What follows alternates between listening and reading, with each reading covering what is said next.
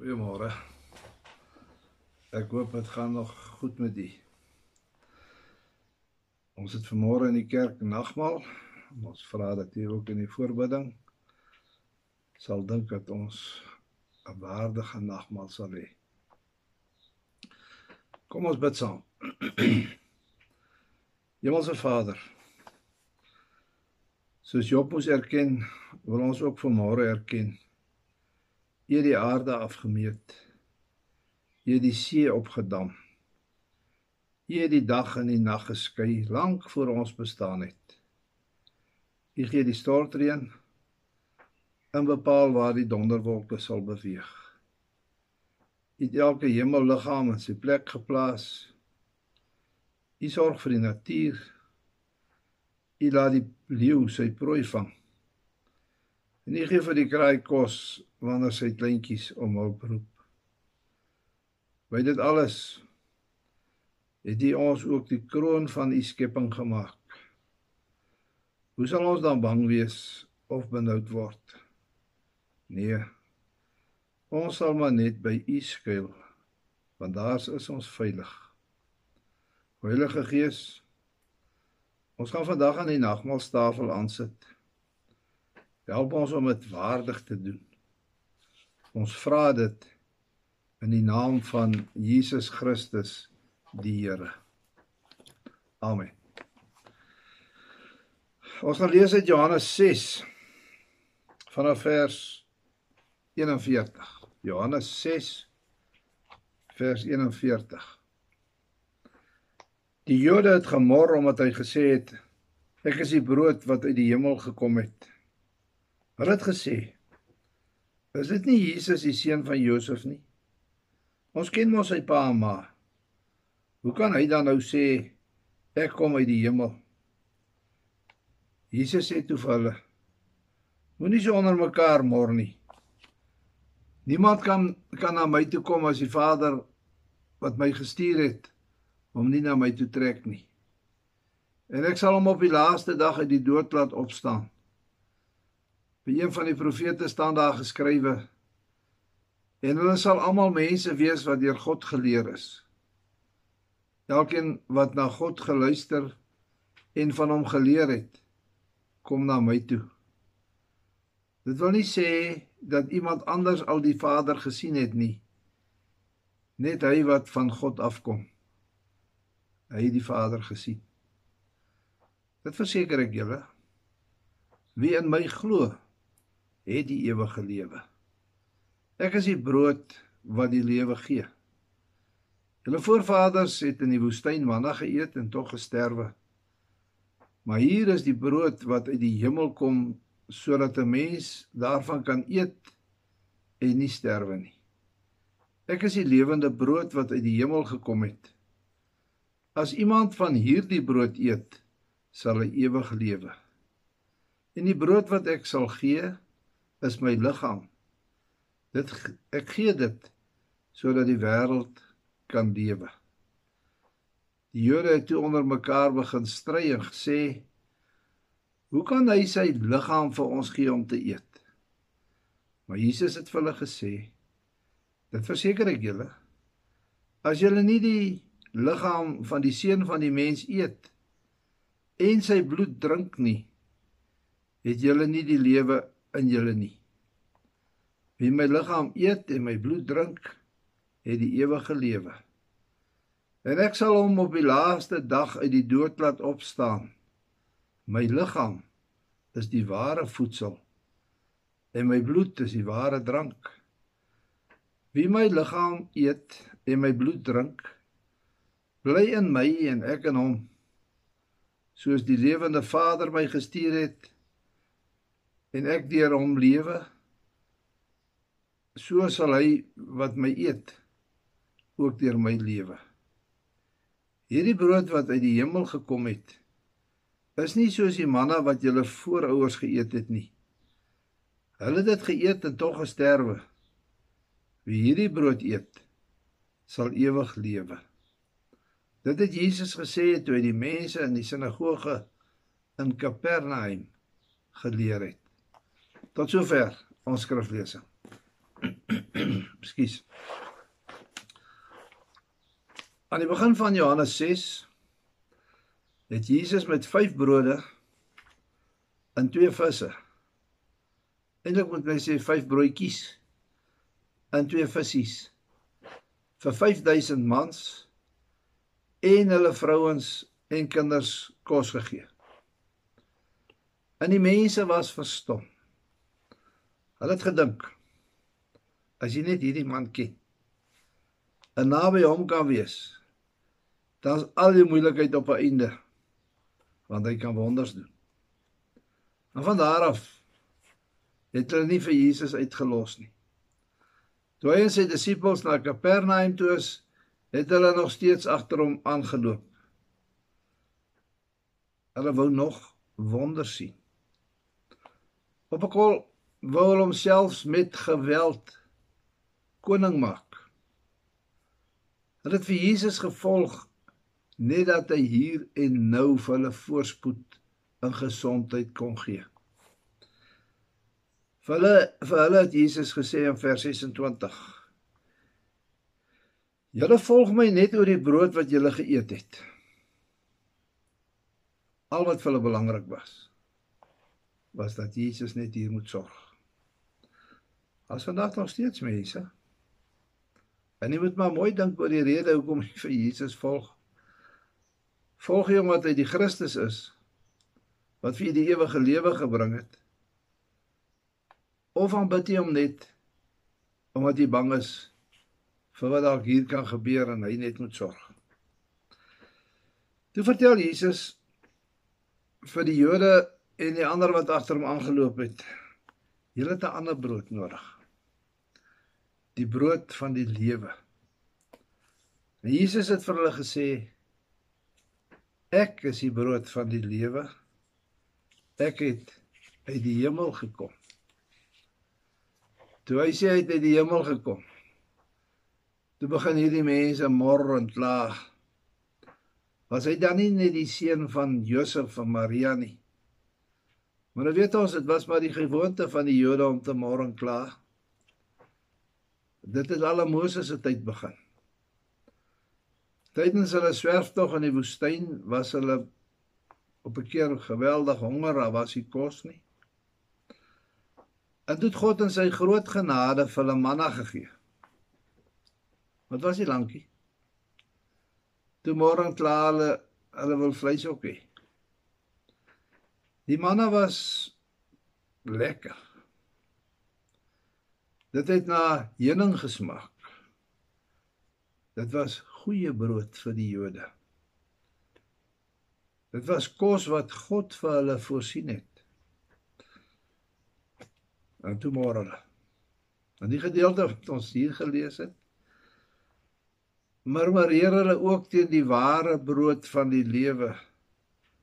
Jesus wat die ewige lewe gebring het. Die Jode het nie geweet waar Jesus vandaan kom nie. Hulle het gedink hy's maar net Josef se seun. En hulle was maar gewone mense. Hoe kon Jesus dan van God af gekom het as hy maar vir Josef en Maria se pa en ma het? Niemand van hierdie het die verhaal van sy geboorte geken nie. Hulle het nie almal geweet Jesus is die seun van God nie. En dit is 'n tipiese voorbeeld van die misverstand van die ongeloof. Jesus moes sorg.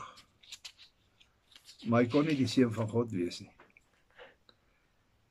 Wêreldse wysheid help 'n mens nie om die dinge van God te verstaan nie. Te veel mense probeer vir God op 'n wêreldse wyse te verklaar. Ons ken God net om een rede. Dis omdat hy homself aan ons openbaar het. Wat was Jesus se reaksie toe die mense so môre kla omdat hy sê hy is die seun van God? Hy het vir hulle gesê: "Hou op met môre. Dit moes die Jode laat dink het aan hulle voorouers wat in die woestyn 'n prys betaal het oor hulle gemor oor die manna. In Hebreërs 3 vers 7 tot 11 word ons herinner dat hulle nie die beloofde land binne gegaan het nie oor hulle ongeloof. Hulle liggame het verrot in die woestyn. En die waarskuwing aan hierdie Jode met wie Jesus praat is toe moenie ongelowig wees nie. Pas op om te kla oor God se manier van doen. En dan maak Jesus hierdie groot stelling in vers 44. Niemand kan na my toe kom as die Vader wat my gestuur het hom nie na my toe trek nie. Van nature verset die mens hom teen die wil van God. As dit nie vir God se genade was nie, sou ons nie na hom toe gekom het nie. Daarom moet 'n mens so versigtig wees om te sommer te sê ek het my saak met God reggemaak. Ons kan hoogtens sê hoogstens sê ek het aanvaar dat God in sy genade deur sy seun my saak met hom reggemaak. Die wonder is dat God na ons toe neerbuig. Dat hy buig om ons te red. Dat hy uit liefde sy eie seun na die wêreld toe gestuur het. Sodat nie een wat in hom glo verlore sal gaan nie. Johannes 3 vers 16. God kom en vanuit die hemel bied hy sy redding aan. Hy beweeg mense se harte om hom aan te neem. Jesus sê hy trek ons na hom toe. Die Heilige Gees word hier genoem nie. Maar dis hy God self wat in ons harte werk om Jesus aan te neem. Efesiërs 2 vers 8 stel dit so. Julle is inderdaad uit genade gered deur geloof. En hierdie redding kom nie uit julleself nie. Dis 'n gawe van God. Pas op om te dink ek sal my saak met God regmaak staan voor God en sê ek aanvaar dat Jesus Christus my saak met U reggemaak het. U is in beheer. Nie ek nie. Jesus Christus is die brood van die lewe. As ons glo hy is ons verlosser, het ons die ewige lewe aan die einde van vers 44 gee Jesus 'n woord van aanmoediging vir die wat glo.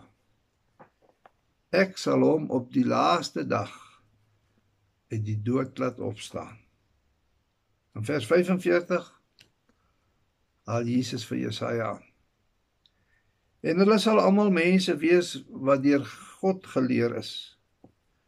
Elkeen wat na die Vader luister en van hom leer kom na my toe.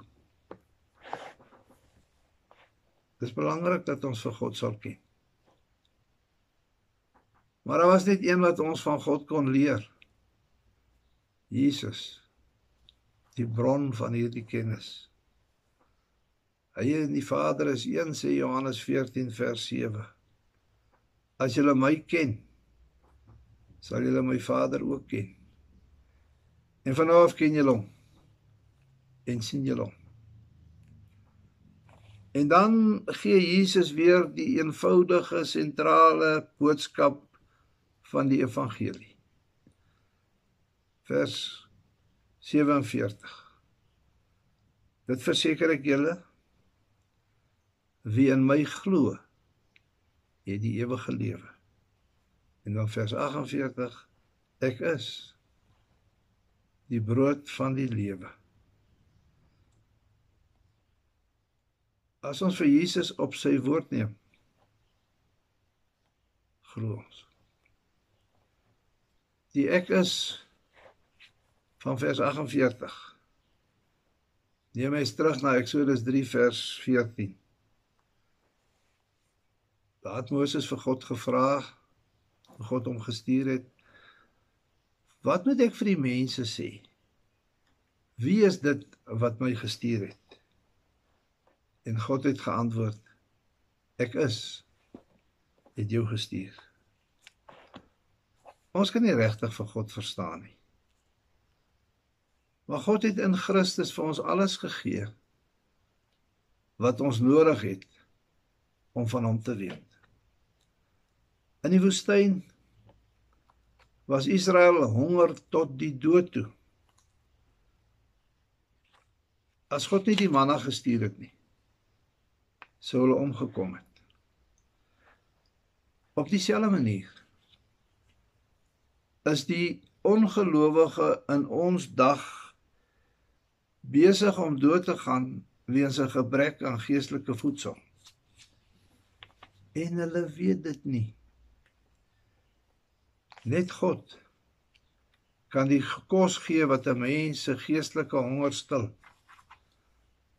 En hy doen dit in Christus. In ons dag soek die ongelowiges op baie plekke voedsel vir hulle geestelike honger.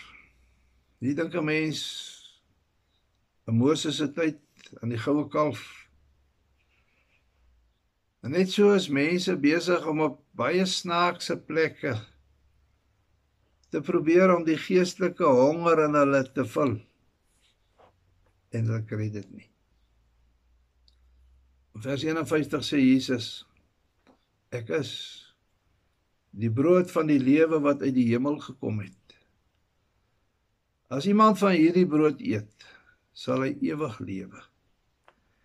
En die brood wat ek sal gee is my liggaam. Ek gee dit sodat die wêreld kan lewe.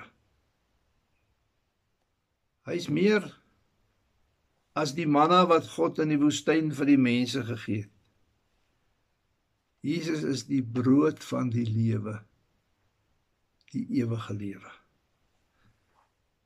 Die Israeliete was moeg vir die manna Daarom wou hulle vleis hê. En die Here het hulle kwartels gegee. En hulle daaraan geëet tot hulle naar geword het en toe later siek geword het. En baie is daar dood. Die Jode het in die woestyn nie versadig geraak nie. Vir die Jode het Jesus gesê: Die brood is my liggaam. En die geestelike drank is my bloed. Ek het dit nie net vir die Jode gegee nie. Ek het dit vir die hele wêreld gegee. Ook vir jou en vir my.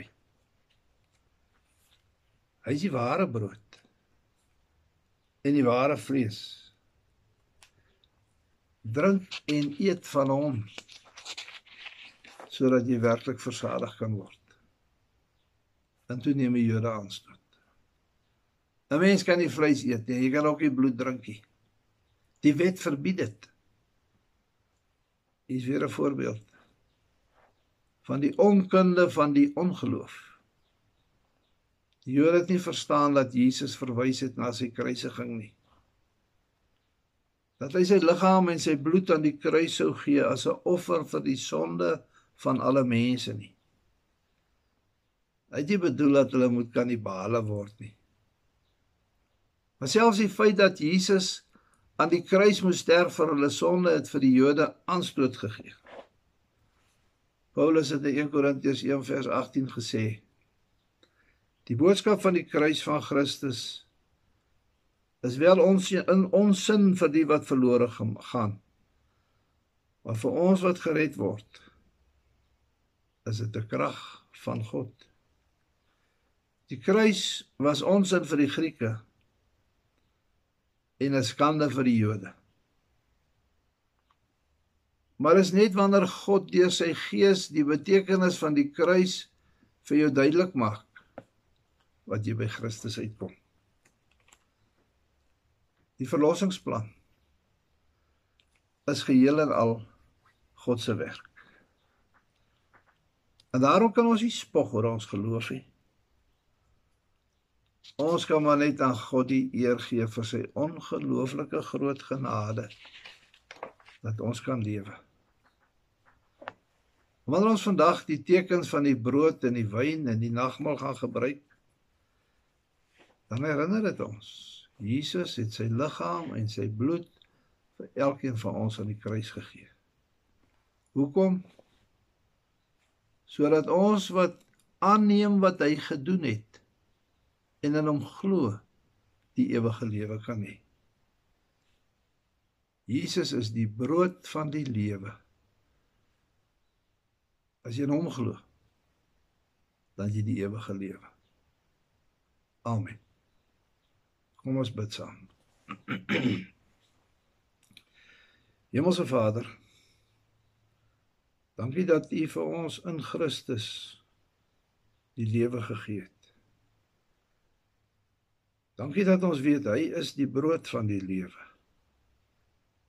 Help ons om elke dag vir U te lewe. Omdat ons weet dat ons deur U genade ewig sal lewe. Ons vra dit in die naam van Jesus Christus die Here.